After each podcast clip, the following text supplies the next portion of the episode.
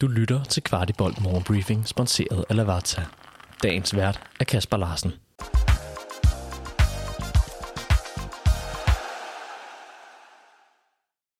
Det er fredag den 24. november, og Superligaen er klar til at få afviklet sine to sidste runder, inden der fløjtes til julepause.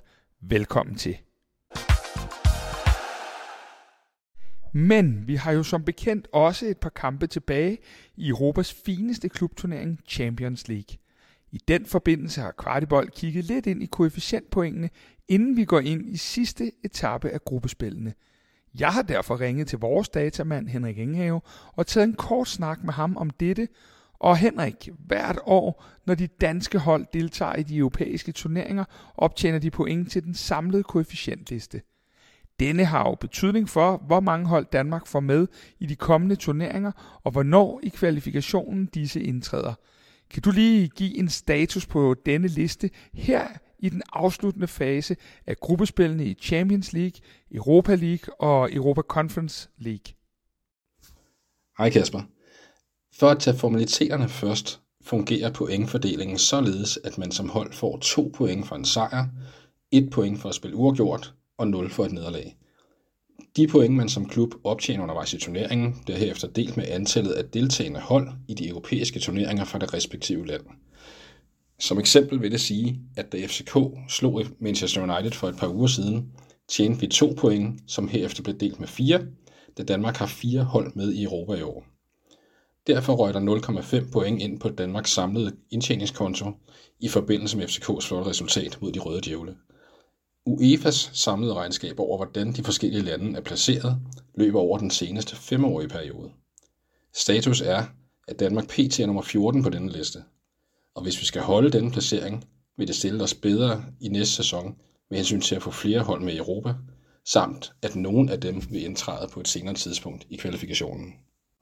Henrik, hvordan har FCK's udvikling været, og hvor meget har de bidraget med i forhold til de andre danske hold? Hvis man kigger på den sidste periode på 10 år, har FCK's bidrag været væsentligt højere end de andre danske hold.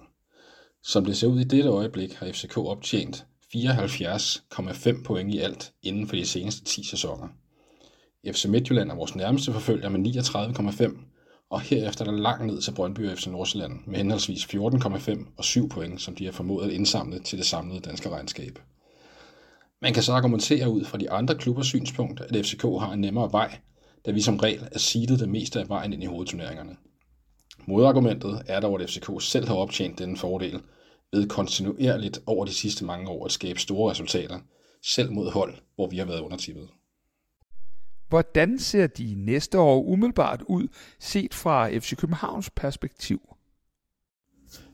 Jamen, hvis vi udelukkende kigger på FCK, har deres udvikling været stigende, og tendensen ser ud fra et datamæssigt synspunkt positiv ud, når man kigger eksempelvis 5 år frem.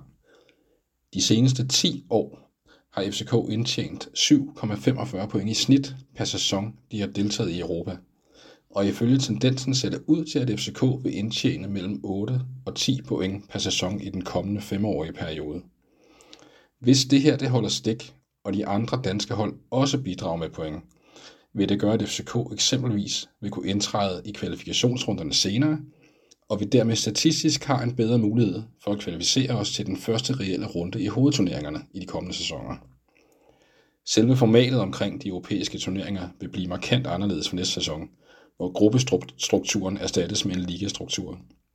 Men hvordan det kommer til at udspille sig, kræver en noget mere detaljeret gennemgang, som vil kræve en længere udsendelse, som vi planlægger at udkomme med i løbet af foråret. I morgen lørdag spiller FC København årets sidste Superliga-kamp i Viborg. Kvartibolt har lavet en grundig optag til opgøret med en masse data, bud på startelver og meget mere.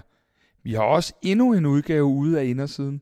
Denne gang har vi besøg af Mohamed El Yunusi, der fortæller om sin opvækst, om at have forandret sin fars liv og meget mere. Begge podcast kan du høre i din podcast-app, og snakken med Moi finder du til lige på Pluto TV under Kvartibolt indersiden. Det er gratis, og det er uden tilmelding. Ifølge mediet London Evening Standard er Jonas Vind på bloggen i Fulham. Jonas, der hidtil har nettet 8 gange i Bundesligaen i denne sæson. Og ja, de mål kan i den grad bruges i Fulham, der har haft svært ved at få gang i målscoring i denne sæson. Spændende om det eventuelt kan kaste lidt mønt af til FC København.